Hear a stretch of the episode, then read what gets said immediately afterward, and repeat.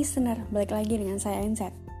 Kali ini saya akan ngobrol dengan seorang narasumber yang cantik, solihah, dan masya Allah banget. Semoga Allah selalu uh, kasih perlindungan untuk uh, narasumber yang ini ya. Narasumber ini adalah seorang perempuan, tentu saja karena tadi udah ngomong solihah dan lain sebagainya gitu kan. Nah, um, narasumbernya ini tinggal di Jepang dan kita akan kulik-kulik sedikit tentang beliau dan seperti apa Jepang itu. Selamat mendengarkan. Assalamualaikum, Vidya. Udah balik lagi sama Vidya.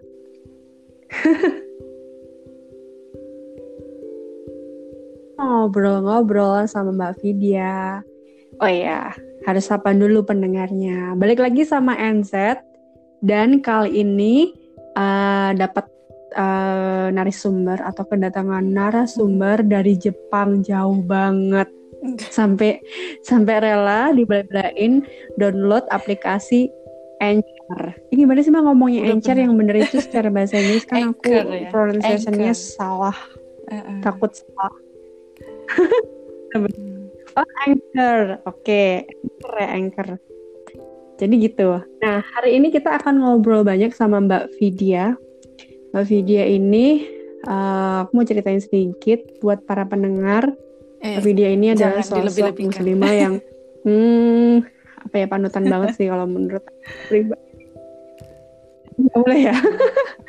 intinya, intinya banyak prestasi yang bisa dicontoh untuk para pendengar nanti ya. Oke, uh, mungkin kayaknya lebih baik Mbak Vidya memperkenalkan diri sendiri deh. Uh, hmm. nama namanya siapa, aslinya di mana, asli okay. asli asalnya itu di mana, sekarang aktivitasnya apa? Uh, gitu, saya gitu. Vidya Wahyu Pristian, uh, asal dari Surabaya. Hmm. Pernah satu kampus dengan Mbak NZ dan sekarang sedang menetap di uh, pinggiran ibu kota Jepang bersama suami dan putri saya yang berumur tiga tahun. Sehari-hari aktivitas saya hanya bermain aja dengan si kecil dan mm-hmm. biasanya saya suka cerita di blog sama di Instagram. Nanti aja ya untuk ya. Oke. Okay. Hmm. Oke, okay, nanti kayaknya boleh langsung dikulik-kulik okay. sendiri ya nih ya. Um, nanti ada part sendiri promosi. Tapi tapi aku suka banget loh sama oh. apa namanya video IG IG TV-nya Mbak Vidya ini kayak edukatif banget udah gitu tuh hmm. kayak bener-bener menjaga privasi gitu biasanya kan orang-orang tuh kalau hmm. misalnya di Instagram hmm. tuh kan hmm. lebih ke ya udah kelihatan wajahnya atau apa gitu hmm. Uh, apa kontennya isinya itu mau nyampein apa gitu kan mbak Wow, ini kayaknya aku harus wawancara khusus nih hmm. ke Mbak Vidya. Kenapa ada ada video hmm. yang harus makan wajah biasanya itu kan orang-orang ibu-ibu masa kini gitu loh Mbak. Ya kan hmm. mama-mama muda yang udah punya anak kecil, anaknya lucu, terus mamanya hmm. juga cantik. Biasanya kayak ya udahlah aku nem, apa uh, nembeng sekalian hmm. di vlog uh, IGTV gitu. Kenapa Mbak? Ini iya, kita ya, sebenarnya pertanyaan ya, ya Allah. Itu wajar ya. Mungkin saya sendiri juga punya perasaan kayak gitu. Cuman mungkin karena semenjak tinggal di sini jadi kebawa budaya sini. Jadi ibu-ibu di sini itu kebanyakan itu kalau lagi posting foto anaknya kegiatan anaknya di hmm. sosial media itu wajah anaknya itu ditutup. Dan beberapa ibu juga memang sengaja nggak menunjukkan wajahnya. Jadi semata-mata ingin hmm. menunjukkan aktivitasnya itu ini loh ilmu yang ingin hmm. dikasih tahu ke pembaca itu ini loh gitu jadi nggak hanya ngelihat fisik dari yang mengantarkan pesan itu gitu lalu juga uh, uh, lalu juga kadang kan saya juga kalau di Instagram itu pernah hmm, juga gitu. kan waktu saya lagi belanja juga saya pernah video itu juga saya apa ya hmm. uh, shootnya itu bagian bawah aja hmm. soalnya emang privasi orang di Jepang aja. itu sangat dilindungi gitu. Uh, uh, gitu. Iya hmm, bener banget. keren uh, nih. uh, kayaknya uh, cocok sama ajaran Islam deh. Kalau apa ya? Apa ya? Jadi apa apa yang di medsos itu kan Islam kayak mengajarkan hmm. ya nggak usah. Kalau misalnya mau jualan baju bajunya aja yang difoto nggak usah pakai. Hmm. model. Mbak maaf ini kalau misalnya sih putus-putus karena emang agak apa namanya nggak hmm. bagus sinyalnya di yeah. oke. Okay. hmm. terus kita mulai dari pertanyaan so, pertama nih buat mbak Vidya. Seneng banget deh sorry mbak Vidya. Kalem karena udah kalem terus ya. udah gitu. Hmm, keibuan gak sih guys Iya, tapi ada mama juga yang suaranya tuh kayak prang prang prang prang prang gitu kan. Iya. Tapi ada es batu di sini. Adem didengerinnya. Oke, okay, back, back to the topic. Mm. Jadi kita back to the topic mau tanya sama Mbak mm. Vidya. Mbak dulu um, sebelum ke Jepang, sebelum menikah, sempat dengar waktu itu Mbak Vidya mau apa uh, mau eh bukan mau hmm. sih udah lanjut uh, studinya sampai ke jenjang S2. Boleh ceritain ini sedikit uh, waktu itu ngambil S2-nya S2 jurusan apa terus di mana? Soalnya ini pri pribadi nih ya guys, aku nggak tahu sebagai kakak kelas, nggak aku tahu gitu, aku mah nggak tahu ini kalian tanya. Bismillah dari dulu. Iya, Mbak. pendidikan S2 iya. di kampus yang sama dengan Mbak NZ ini juga di Universitas Erlangga. Waktu itu hmm. Jurusannya ilmu linguistik dan waktu hmm. tahun pertama jurusan itu dibuka. Hmm. Gitu. Uh, hmm. gitu. Dulu kenapa? Hmm. Oh iya benar Ana, Rosa. Iya. Itu Rosa. berarti bareng sama Ana, Mbak ya? Hmm. Iya kan? tertarik. Terus itu linguistik belajar Sebenarnya soal apa aja? Jago-jago banget linguistik. Cuman pingin tahu. Jadi uh, ketika itu kan mempelajari gimana ya bahasa, bagaimana suara itu keluar gitu ya dari apa namanya mm, mulut kita lidah kita itu saya ingin mempelajari hmm. itu hmm. dari sisi anak-anak gitu jadi supaya nanti hmm. kalau sudah punya anak itu saya ngerti hmm. gimana ngajarin dia bahasa gitu hmm. seperti itu dan alhamdulillah hmm. ya sekarang ini saya praktekkan ke hmm. anak saya gitu langsung Nama anaknya iya, lucu bener, loh. Iya. Nama anaknya itu namanya Aiko. Gak apa-apa ya Mbak ya aku sebutin nama panggilannya. Aiko Chan. Terus Mbak Vidya, Mbak Vidya ini pas waktu itu di, di Instagramnya yang uh, pribadi itu aku sempat lihat Instagramnya pas yang ada IGTV itu oh, iya. bahas soal hafalan kalau nggak salah ya Mbak ya waktu itu. Itu banget terus kayak udah langsung praktik secara keilmuan linguistik emang bener berarti ini ya berarti hmm. berarti untuk uh, eh, S2 itu nggak selalu keluar dari sekolah hmm. nanti jadi ini jadi itu jadi dosen misalnya kayak gitu menurut mbak saya nggak sih kalau misalnya hmm. S2 terus tahu-taunya ujung-ujungnya cuma itu jadi ibu rumah tangga dalam ya. tanda petik maksud pribadi masing-masing sih ya kalau ya bagus juga ada yang berpikiran apa ya mau jadi ibu rumah tangga ya silakan mau bekerja juga silakan. Karena saya pun sebagai ibu rumah tangga juga butuh orang perempuan juga yang harus bekerja di bidang-bidang tertentu gitu supaya kehidupan tuh jadi lebih mudah kayak gitu. Dan saya dulu juga sebelum punya anak itu pinginnya kuliah itu ya kerja kerja gitu. Hmm. pokoknya cari duit gitu dan dulu itu kepikiran juga nanti kalau aku punya anak hmm. aku tetap harus kerja nih gitu gimana pun hmm. kerja tapi setelah bayi itu lahir masya allah saya hmm. sampai saat ini masih belum kepikiran untuk bekerja keluar rumah gitu jadi saya bilang ke suami saya semakin anak kita besar kenapa saya semakin gak kepingin kerja ya maaf ya aku bilang gitu gitu hmm. iya sih Alhamdulillah enggak. Mm. Jadi sebenarnya bukan karena dilarang sama iya, suami ya, Mbak ya, tapi kayak ya, emang karena rancang sebelumnya gitu. Diri sendiri. Aku sebelumnya hmm. tuh pengennya tuh ya kerja gitu, tapi ketika apa Aiko hmm. lahir, Masya Allah pengennya tuh nemenin dia hmm. terus tumbuh kembang terus gitu. Dan sebelumnya kan ibu saya itu, ibu saya adalah ibu pekerja, beliau guru. Dan uh, ketika saya uh, sudah menikah, sudah punya mm -hmm. anak, beliau mengucapkan seperti ini kalau bisa kamu jangan kerja gitu mm -hmm. uh, saya sudah tahu jadi rasanya jadi ibu yang meninggalkan mm. anaknya ketika kerja gitu dan sekarang kalau lagi rindu gitu telepon ibu di rumah ibu sering mm. banget minta maaf maaf ya dulu ibu harus kerja nggak bisa nemenin mm. kamu nggak bisa tahu perkembangan belajar kamu sehari-hari gitu karena saya dulu kan di mm. rumah sama asisten rumah tangga gitu jadi mm. kayak ibu saya itu ada mungkin perasaan mm. Hmm, bersalah atau gimana gitu ya mm. jadi kalau bisa cucunya ini kalau bisa saya harus apa ya hmm. 24 jam ada di sisi cucunya ini gitu mendampingi gitu kecuali nanti kalau dia udah cukup besar dan mendampingi bisa, apa ya tinggal mungkin hmm. saya akan berpikiran untuk mencari kerja yang ringan-ringan seperti itu gitu hmm. Merinding tahu nggak sih mbak? Merinding gak sih guys? Kalau barusan ngomongin soal ibu itu aku langsung tiba-tiba langsung kayak gitu. ingat ini terenyuh banget. Bikin mau nangis. Apalagi Mbak Vidya ini di Jepang dan gak bisa ke Indonesia. Ini tepat banget. Sekarang tanggal 16 Agustus iya, tahun merdeka. 2020 besok tanggal 17 bener, pasti langsung kan ingat ya, Indonesia. Jepang ini lagi apa? Menyerah. pada tentara sekutu ya Iya. Iya.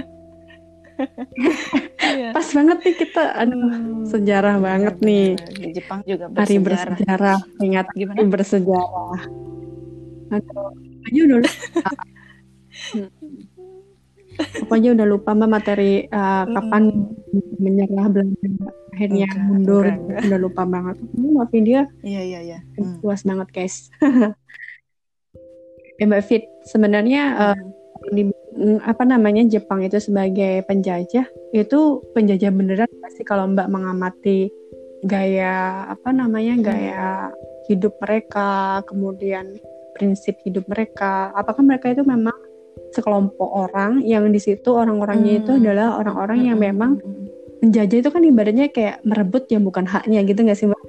Nah kalau di sana itu gimana karakternya di sini ya, untuk orang Jepang sendiri? Itu kenapa saya ngerasanya tuh budaya Jepang itu ada miripnya dengan mm -hmm. Indonesia gitu. Jadi orangnya itu yang ramah dan benar-benar melindungi budaya mereka gitu. Jadi apa ya, jangan sampai yang mereka punya itu uh, keluar mm -hmm. gitu.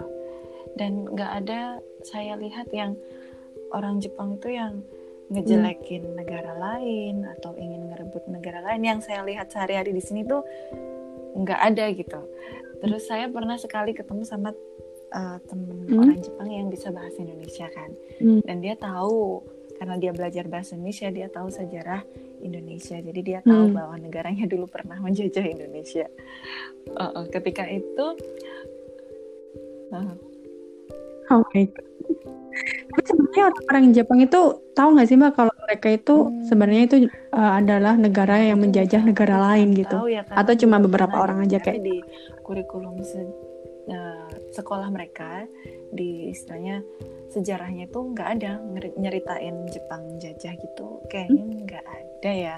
Uh, uh, pokoknya ya yang buruk-buruk dari negara ini nggak ada. Cuman mungkin kalau yang bom atom Hiroshima Nagasaki itu ada gitu gitu dan oh, oh ya dan uh, kembali ke teman saya yang Jepang itu tadi ya hmm. waktu saya hmm. nanya uh, kamu kan sekarang udah tahu ya uh, Jepang hmm itu pernah jajah Indonesia gitu gimana perasaan kamu aku gitu iseng aja gitu terus dia jawab ya hmm. maaf ya aku sedih hmm.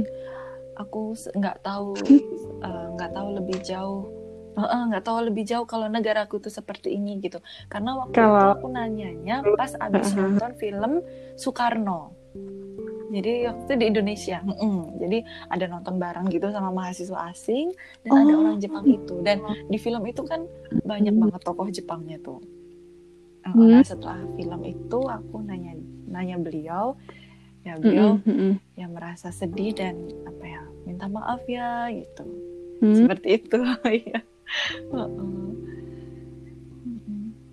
oh my god ini sebenarnya uh, hanya ya. oknum pemerintahan kala itu ya mbak ya sebenarnya orang-orang Jepang gitu ya hmm. nggak ada keinginan sipil, untuk sipil yang jajah ya.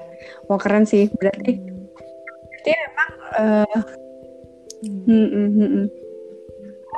Tadi kayaknya aku sempat motong enggak, ada bagian yang mau nyeritain bagian apa ya, Mbak? Udah minta maaf. Mm-hmm. Intinya ramah. Jepang adalah orang-orang yang memiliki pribadi yang ramah. Mm. Aku ingat banget selain yang tadi Mbak ngomong di awal-awal, iya. mm, untuk masalah privasi sangat menjaga juga. Nah kalau apa uh, ini hmm, soft skill, hard skill itu gimana Mbak mereka Mbak? Kan mereka kayak keras gitu kan. Aku pengen langsung denger oh, dari keras gitu ya? pengalamannya ya? Mbak dia yang karena udah 4 gitu? tahun oh, di iya. Jepang. Hmm, jadi yang yang saya tahu itu mereka tuh kerjanya mm -hmm. itu dari berangkat itu setengah delapan biasanya tuh pulang tuh sampai jam 9 malam atau 11 malam gitu jadi semakin hmm. malam itu mereka apa ya akan hmm. semakin bangga dengan dirinya hmm. sendiri karena merasa berdedikasi ke perusahaannya gitu hmm, kayak gitu sih setahu saya hmm. Hmm. Hmm. Terus kalau masalah dedikasi kayak gitu tuh uh, seimbang nggak sama pemasukannya? Uh, Biasanya kan dihitung lembur kan mbak kalau pulang malam juga gitu. sih ada yang perusahaan yang sana benar-benar menghargai pekerjanya tapi juga ada yang kurang gitu ya sama aja kayak di Indonesia sih kurang lebih gitu hmm. Hmm.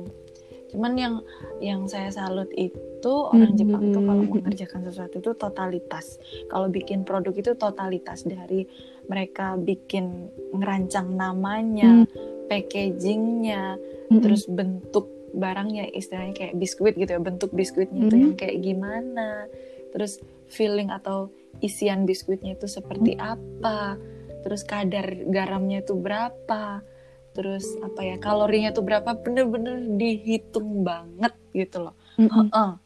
kayak gitu itu nah, kan orang itu kalau nggak salah pernah nonton tuh di uh, hmm. salah satu apa channel TV swasta di Indonesia tuh dibilang orang-orang kurus di dunia itu semuanya ngumpul di negara Jepang sama Korea Selatan. Bener gak sih Mbak? Uh, iya Jadi sih. kayak jarang, tingkat jarang, obesitasnya itu kecil banget. Mm, mm, mm. Aku pernah pernah lihat waktu itu. Hmm. Jadi kayak di sana itu semuanya ideal. Bahkan rata-rata kayak ya kurus kurus badannya kayak nggak ada yang buncit hmm. atau misalnya obesitas hmm kayak yang di hmm, Amerika ya. besar-besar. Emang kalau dibandingkan dengan Amerika ya, contohnya produk produk apa ya? Boleh hmm. sebut merek nggak sih ini? Boleh produk. Oke oke. Oke oke.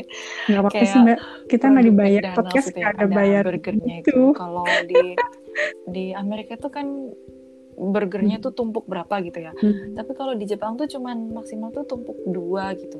Jadi memang padahal hmm. namanya sama ya Big Mac mungkin ya namanya Big hmm. Mac gitu tapi hmm. Bignya itu benar-benar bigger yang hmm. yang Amerika daripada yang Jepang gitu karena orang Jepang memang benar-benar menghitung kalori apa yang masuk di hmm. perut mereka itu sebenarnya uh, sama dengan apa ya peribahasa atau hmm. apa ya pernah dengar di peribahasa Arab atau ya orang yang apa ya hanya mementingkan isi perutnya harga dirinya tidak lebih jauh dari apa yang dikeluarkan perutnya. Pernah dengar kayak gitu? Hmm? uh, uh, iya.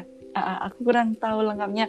Tapi itu kayak diterapkan iya, iya, orang Jepang iya, banget iya, gitu bener, bener. ini entah benar atau enggak saya pernah iya. dengar kalau mau daftar kayak anggota dewan di Jepang itu di di itu loh di apa ukur lingkar perutnya gitu. Katanya sih gitu. Oh, oh. ya oh gitu. Ya. Ya ampun keren banget sumpah oh ini seandainya di Indonesia mungkin para DPR nggak akan ada yang ber apa iya. berperut buncit maksudnya kan perutnya penyakit itu sumber penyakit gitu yang semua. paling banyak katanya kan dari dalam perut yang buncit ya jadi memang kalau perut kita bisa dijaga agar nggak buncit insya Allah mm -hmm. bisa tetap sehat dan panjang umur makanya kan kan orang Jepang umurnya panjang-panjang ya karena mereka memperhatikan Hmm, gitu. Iya. Nah itu itu itu dia. Oh jadi faktor dari mulut ya semuanya berarti ya Mbak ya. nah, berarti aku harus lihat nih. Aku harus banyak-banyak puasa. Di sana puasa gitu nggak sih Mbak di di Jepang itu maksudnya kan hmm, apa mereka menghitung kalori masuk sama kalori keluar kayak gitu. Nah, uh, itu mereka belum ada mengenal istilah puasa nggak? Langsung. Mm, belum pernah, tapi pernah punya temen yang coba-coba puasa hmm. ketika kita Ramadan kemarin mereka coba puasa gitu. Hmm. Hmm. Dan mereka nyerah dong. Hmm. Katanya, "Udah aku nggak mau puasa takut mati." gitu. Iya, lucu juga ya. Uh, iya. Uh, uh. Pernah juga ada anak Indonesia ya yang SD, lucu, SD lucu. sekolah Jepang kelas 4 gitu. Dia kan udah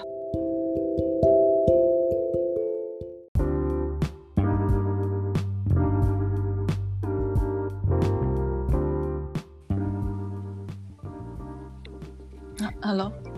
Balik lagi sama media. Tadi sempat terputus ya. Jadi ngobrolin soal apa tadi Mbak ya terakhir? Ya? Hmm, hmm. tentang puasa, oke. Okay. uh Jadi uh, itu nyerah iya. temennya Mbak yang iya, mau nyobain benar. puasa. Terus, Terus waktu itu ada anak hmm. SD orang Indonesia gitu yang dia puasa Ramadan waktu dia sekolah gitu. Jadi kan kalau di sini anak SD itu hmm. ada jadwal untuk makan siang bareng. Nah si anak itu hmm. udah bilang ke gurunya hari ini saya nggak nggak bawa bekal karena hmm. saya ada puasa gitu hmm. itu hmm. gurunya hmm. itu khawatir banget dan apa buru-buru ngonfirmasi ke orang tua siswa itu apa benar hari ini uh, dia nggak makan seharian gitu nggak apa-apa gitu hmm. terus uh, dikonfirmasi ya hmm. memang hari ini dia nggak makan seharian karena dia puasa nah itu gurunya khawatir hmm. banget kayak beberapa jam sekali si anak itu dicek gitu takut kenapa kenapa takut pingsan nggak apa apa gitu. Ya ampun. Karena memang mereka belum tahu puasa mungkin ya gitu. Sampai ya guru hmm, hmm, kalau ada sahur sebelum hmm. kita menahan lapar hmm. dan haus. Nah gitu. Kalau di Jepang itu berapa jam sih mbak dibandingkan Indonesia? Kemarin itu berapa ya? Jadi uh, imsaknya itu jam jam 2 lalu maghribnya jam 7 hmm. malam. Berapa jam berarti ya? Imsaknya uh, jam 2 jam 2 malam, malam malamnya uh, Jepang. ya. Terus jam uh, buka 7, puasanya jam 7 malam. Beda, beda. Oh berarti sekitar apa namanya 16 jam, 16 jam ya mbak ya? jam. 16 lumayan sih itu 16 jam anak SD gitu loh ya nggak tahu juga kalau misalnya ada guru yang kayak apa uh, dikit-dikit khawatir, khawatir dikit-dikit gimana iya, betul. gitu ya mungkin kalau di Indonesia masih guru wah udah biasa hmm. karena Benar, semua benar-benar kayak bener. gitu ya mbak ya gitu. Terus kalau di sana tuh tadi aku sempat uh, kayak notice sama ada makan siang pas hmm. sekolah terus guru itu selalu kayak langsung hubungan sama orang tua. Ini kayak pembelajaran penting sih. Bisa ditiru nih di, di apa namanya? Indonesia. Nah katanya dulu sempat sempat apa tahu dan sempat lihat ada beberapa acara kartun gitu.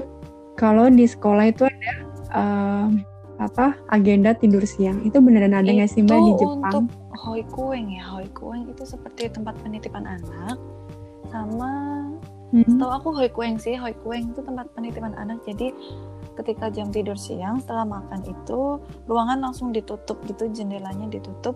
Jadi matahari nggak bisa masuk. Langsung mereka langsung berjajar tidur siang gitu sih. Tapi kalau anak sekolah SD hmm. hmm, belum pernah dengar ya? Hmm Mm-mm. Oh gitu. Iya. Oke oke. Kirain semua apa pelajar di sana itu ada ada semacam jadwal memang seperti itu entah di SD, SMP. Ah, berarti keren banget dong iya. mereka memperhatikan yang namanya tidur anak balita sama TK mungkin iya ada mungkin ya. Tuh, tapi iya mm-hmm. kalau SD, SMP, SMA, apalagi SMA belum pernah dengar. Hmm, oke oke. Okay. Terus Aiko sendiri nanti rencananya ke depannya gimana?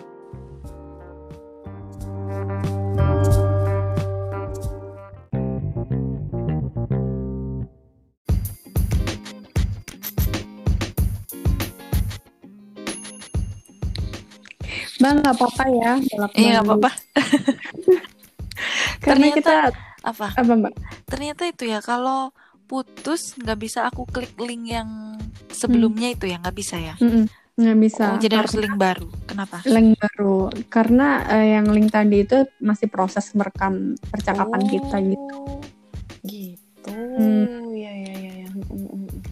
jadi okay. ya sudah kita nggak apa-apa ya mbak ya. Nanti kalau uh, kita batasi sampai jam berapa nih? Ini di Indonesia jam 21 lewat 55 maksudnya jam 10 kurang 5 menit.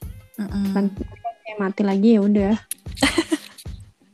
ya udah uh, bagi link lagi link ini link rekaman bersama mm-hmm. soalnya ini posisinya juga nggak bagus nih sinyalnya nggak tahu kenapa tapi alhamdulillah tapi ini lancar kok. Uh, ini jelaskan mbak ya jelas, jelas oke okay. mm-hmm.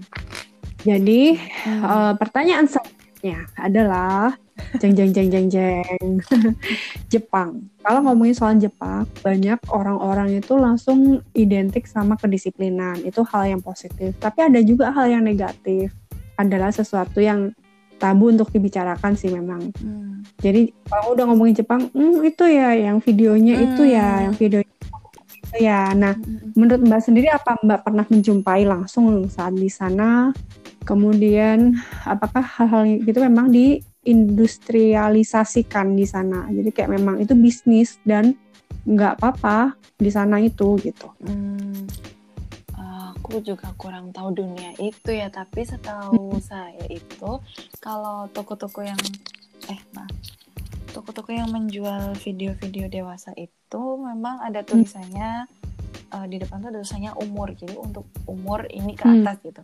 Jadi kalau hmm. di bawah itu nggak boleh masuk situ gitu.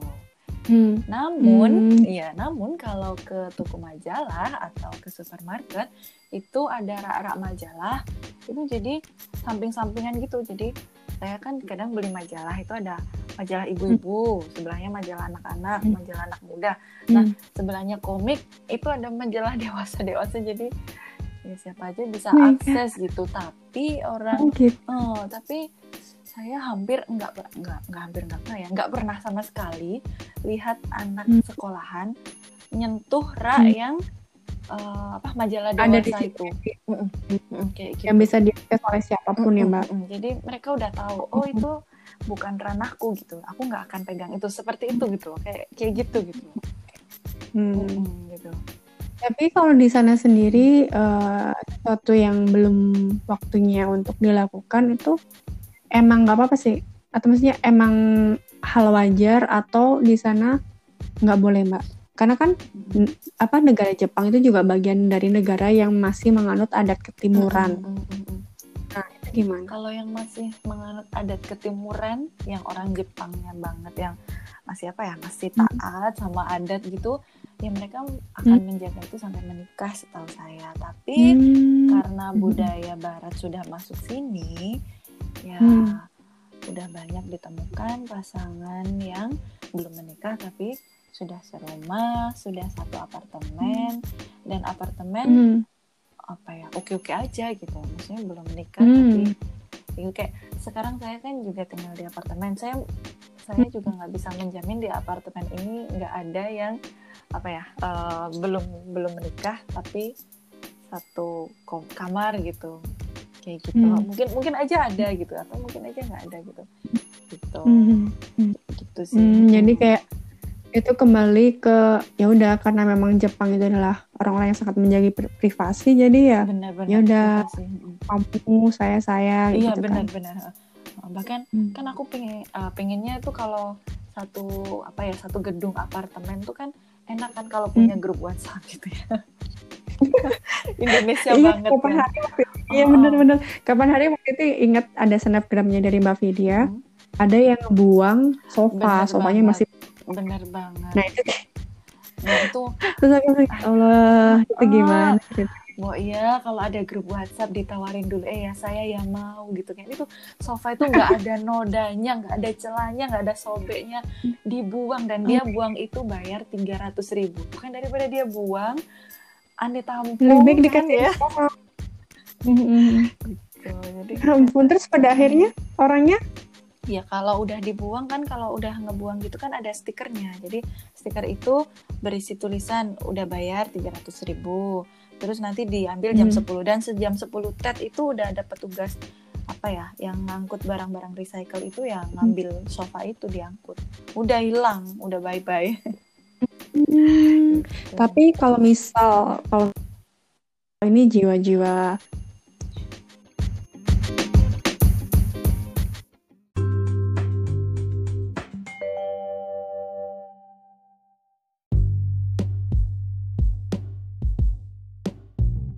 Oke, aku ngerti nih jiwa-jiwa apanya aku ngerti nih, aku paham nih karena sejiwa dengan aku nih.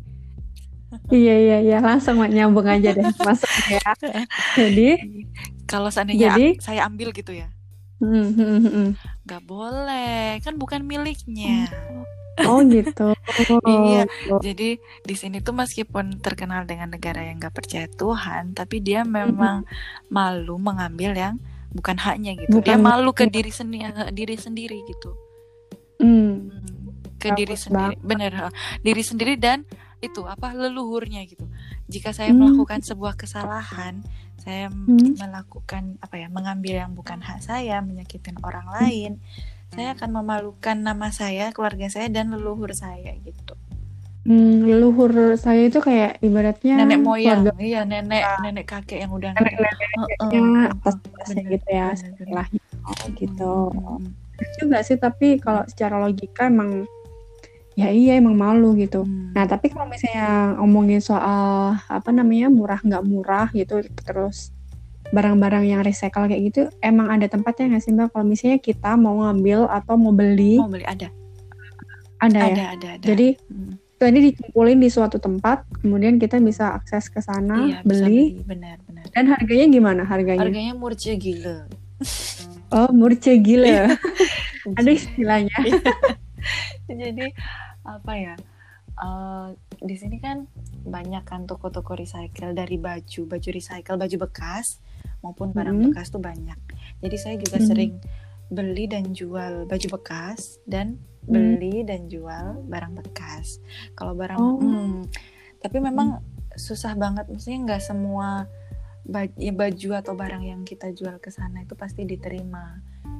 Hmm. Jadi nggak boleh ada noda, nggak boleh ada yang berudul, nggak boleh ada kancing yang apa hilang lepas gitu ya. Benar, hmm. uh, tapi memang ketika kita beli dari sana kualitasnya masih bagus dengan harga yang murah gitu. Hmm. Jadi dan bisa kalau di toko kita beli baru okay. harga uh, misalnya barang Adidas ya baju Adidas lah harga hmm. delapan hmm. ratus ribu ya biasanya tuh masih hmm. ada bandrolnya delapan ratus ribu gitu tapi di hmm. toko recycle itu jadi cuma lima puluh ribu ini delapan ratus ribu Indonesia mbak iya Indonesia sama lima puluh ribu iya iya murah banget murah banget aduh murah banget uh, berarti kalau misal mahasiswa-mahasiswa yang dari luar Jepang gitu, hmm. misal dari Indonesia langsung hmm. aja deh.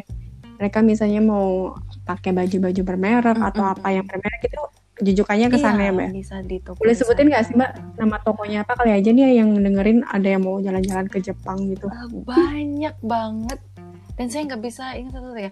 Yang mungkin yang deket rumah saya itu namanya Tanpopo House. Tanpopo. Tanpopo. Uh, tanpopo itu bahasa Jepangnya bunga dandelion. Oh, iya, gitu. Tanpopo ya. Mm-hmm. Terus kalau di tengah di apa ya? pusat kota Tokyo di daerah Shibuya Shinjuku itu malah banyak banget dan itu yang baju-bajunya itu branded branded dan bagus-bagus karena di pusat kota Tokyo itu biasanya yang jual itu juga branded branded gitu jadi yang kita beli itu juga yang bagus-bagus gitu hmm, dan yang gitu. iya yang aduh kadang itu apa ya eh, barang-barang uh, toko yang udah nggak laku itu juga dijualnya di situ gitu hmm. uh -uh. udah ganti musim gitu ya itu udah hmm. ke situ semua gitu karena kan di sini ganti musim ganti musim berarti kan maksudnya itu barang masih baru gitu ya mbak iya jadi seandainya nih ya sekarang tahun 2020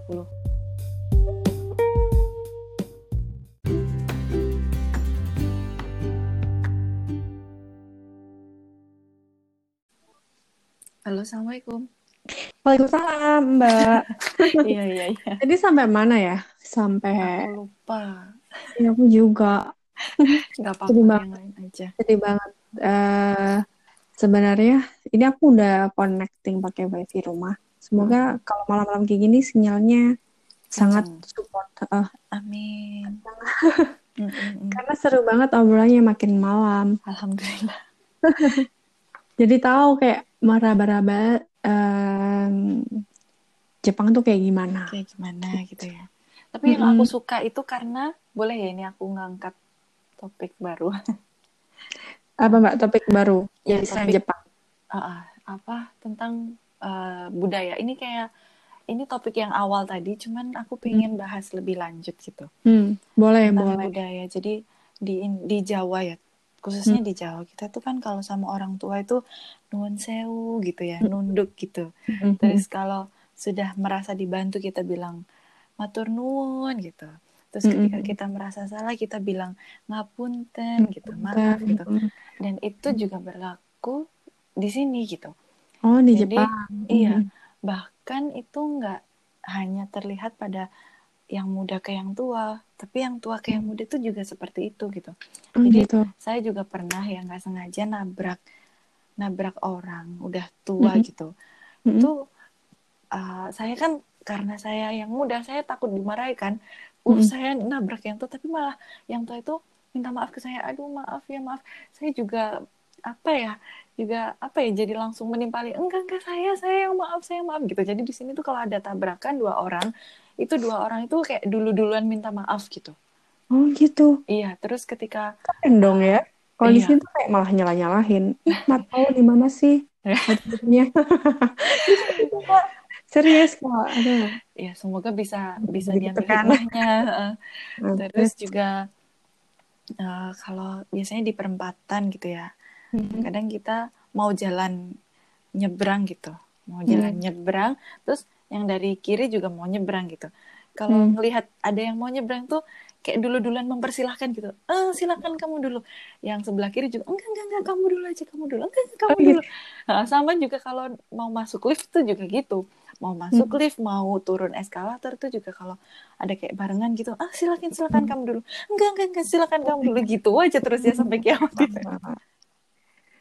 Aduh, gitu. kayak gitu. Uh, uh, itu saya suka banget. Itu kayak ngerasa ini ini ada loh di Indonesia gitu di budaya Jawa itu juga seperti ini gitu. Itu yang hmm. bikin saya nyaman tinggal di sini gitu karena hmm. kayak di Jawa gitu. Ngerasa di rumah sendiri. Benar.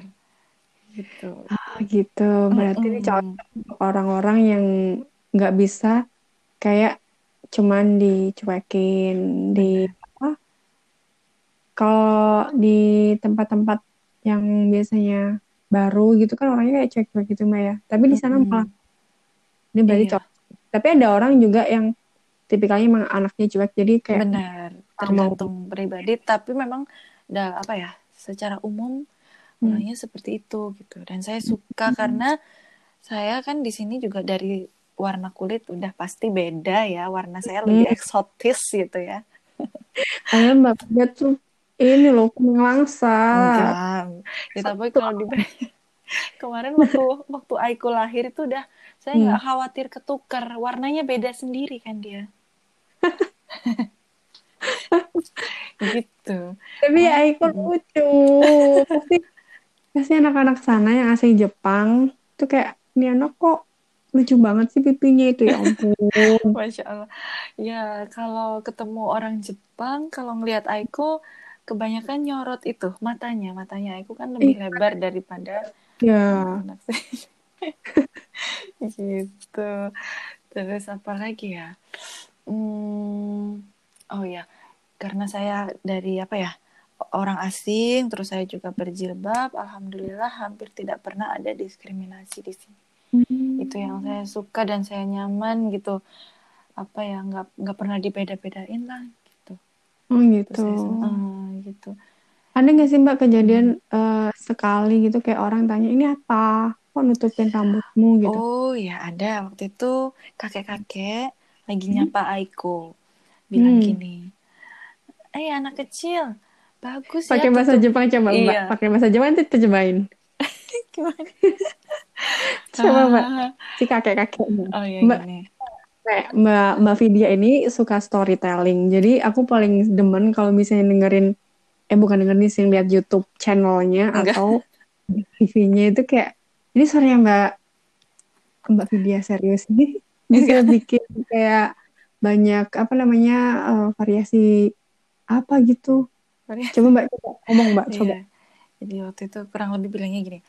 Nih nih, aci desu ne, aci ne, hmm. mama. Uh, kono apa ya waktu itu orang itu bilang apa ya maksudnya maksudnya gini aci desu ne panas kan ya? Ini lagi panas kan ya? Kamu hmm. pakai tutup kepala gitu panas kan ya? Minta mama itu buka gitu. Aku pakai hijab. Iya aku pakai hijab. Dari sejak dia lah eh, enam uh, bulan apa ya? Enam bulan hmm. itu kan enam bulan saya ajak ke Indonesia. Itu saya sambil belanja jilbab jilbab bayi. Jadi hmm. sejak saat itu dia kalau keluar dia saya kasih jilbab cuman saya nggak hmm. pernah memaksa dia harus pakai jilbab gitu jadi hmm. sekarang karena dia udah tiga tahun saya tawarin Aiko ini lagi musim panas ini di luar lagi panas banget Aiko mau hmm. pakai jilbab boleh enggak juga nggak apa-apa gitu tapi hmm. alhamdulillah hmm. dia seringnya mau pakai jilbab gitu Nah, hmm. waktu itu kakek-kakeknya itu iseng.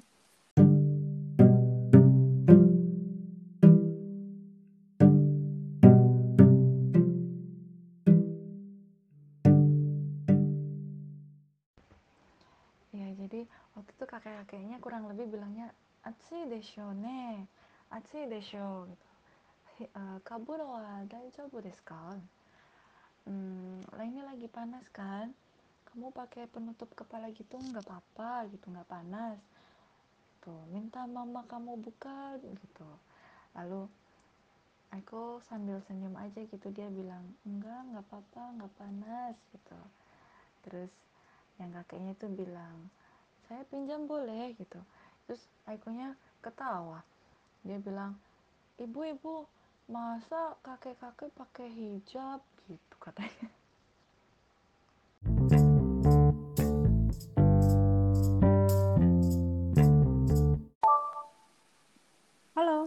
Halo. Ya. Susah banget ya perjuangan mau ngobrol. Enggak. Bismillah. dari ruang dan waktu Asia. Oke Mbak, semoga ini lancar-lancar sambil kita pamitan. Hmm. Jadi terakhir tadi dengerin kalau Aiko tuh um, pas ngobrol sama si kaki itu ngerasa kayak apa tadi Mbak? mereka mm. Kayak, kayaknya mau pakai hijab kan mm. itu laki-laki gitu nggak sih tadi terakhir? Iya iya karena kakeknya kan kan lucu kan kerudungnya dia kakeknya pingin pinjem gitu. Mungkin ya mungkin ya godain aja gitu. Yeah. boleh pinjem nggak? gitu. Uh eh ibu masa sih kakek kok pakai hijab? Hijab kan untuk perempuan gitu dia bilang gitu. Ya ampun hmm. si iPhone dia kritis banget. Usia berapa sekarang iPhone mbak? Usia tiga tahun. Hmm. Alhamdulillah, Masya. Jadi anak yang solih. Amin, amin doanya, amin. Terima kasih. Anti. Karena zaman sekarang itu uh, cewek itu godanya apa ya berat. Gitu ya, ya Bismillah. besar ya mbak ya. Iya ya. Anak perempuan itu lebih besar Benar. daripada mendidik anak laki-laki. semoga doanya, semoga dikuatkan, ya. Mm -hmm. Oke okay, mbak. Oke, okay, uh, eh, ini kayaknya jelas sih. Hmm. Dilanjut atau di ini Mbak closing aja? Closing dulu aja kali ya. Nanti takutnya lagi sama kayak tadi. itu lagi. Iya. Oke, okay, jadi uh, malam ini kita udahan dulu ngobrolnya sama Mbak Vidya. Terima kasih banyak. lagi dan karena udah malam banget waktunya kita harus bobox. Jadi di sana jam berapa? Dia udah apa? Sami-sami. Iya, udah udah kasih banyak wawasan dan pengetahuan sama ilmu Amin, juga insya Allah. supaya Amin insya Allah. Terima kasih juga. Mendapatkan manfaatnya gitu. Next time Amin. boleh lagi ya Mbak ya aku undang jadi Insya Allah. Tentu saja boleh. Senang Thank banget. you. Sama-sama. Sebenarnya karena tadi ada part yang kayak ngomong apa tadi? Hmm. Nggak uh, tahu kenapa ada hal yang apa pas sudah punya anak terus nggak pengen kerja gitu itu aku pengen banget mm-hmm. menggali karena jujur nggak banyak orang yang punya perasaan kayak gitu pengen tahu nikmatnya gitu loh mbak Ya mungkin insya Allah di lain waktu mm -hmm. kita ngobrol bareng lagi. ya. Oke. Okay. Insya Allah. Terima kasih ya Mbak ya. Terima kasih. Terima kasih banyak Enze sudah mau hubungin saya dan mau mendengarkan ocehan saya malam ini. Bagus banget kan. ocehan emak-emak ya. Ya Mbak Video bagus banget kan guys. Terima kasih Enggak. ya Mbak ya. Mohon maaf. Terima kasih. Maaf lahir batin. Terima kasih. Sukses selalu. Iya, Mbak. Sukses juga buat semua teman-teman yang dengerin Siap. podcast dari NZ. Oke, okay, thank you. Assalamualaikum. Terima kasih. Waalaikumsalam warahmatullahi wabarakatuh. You know,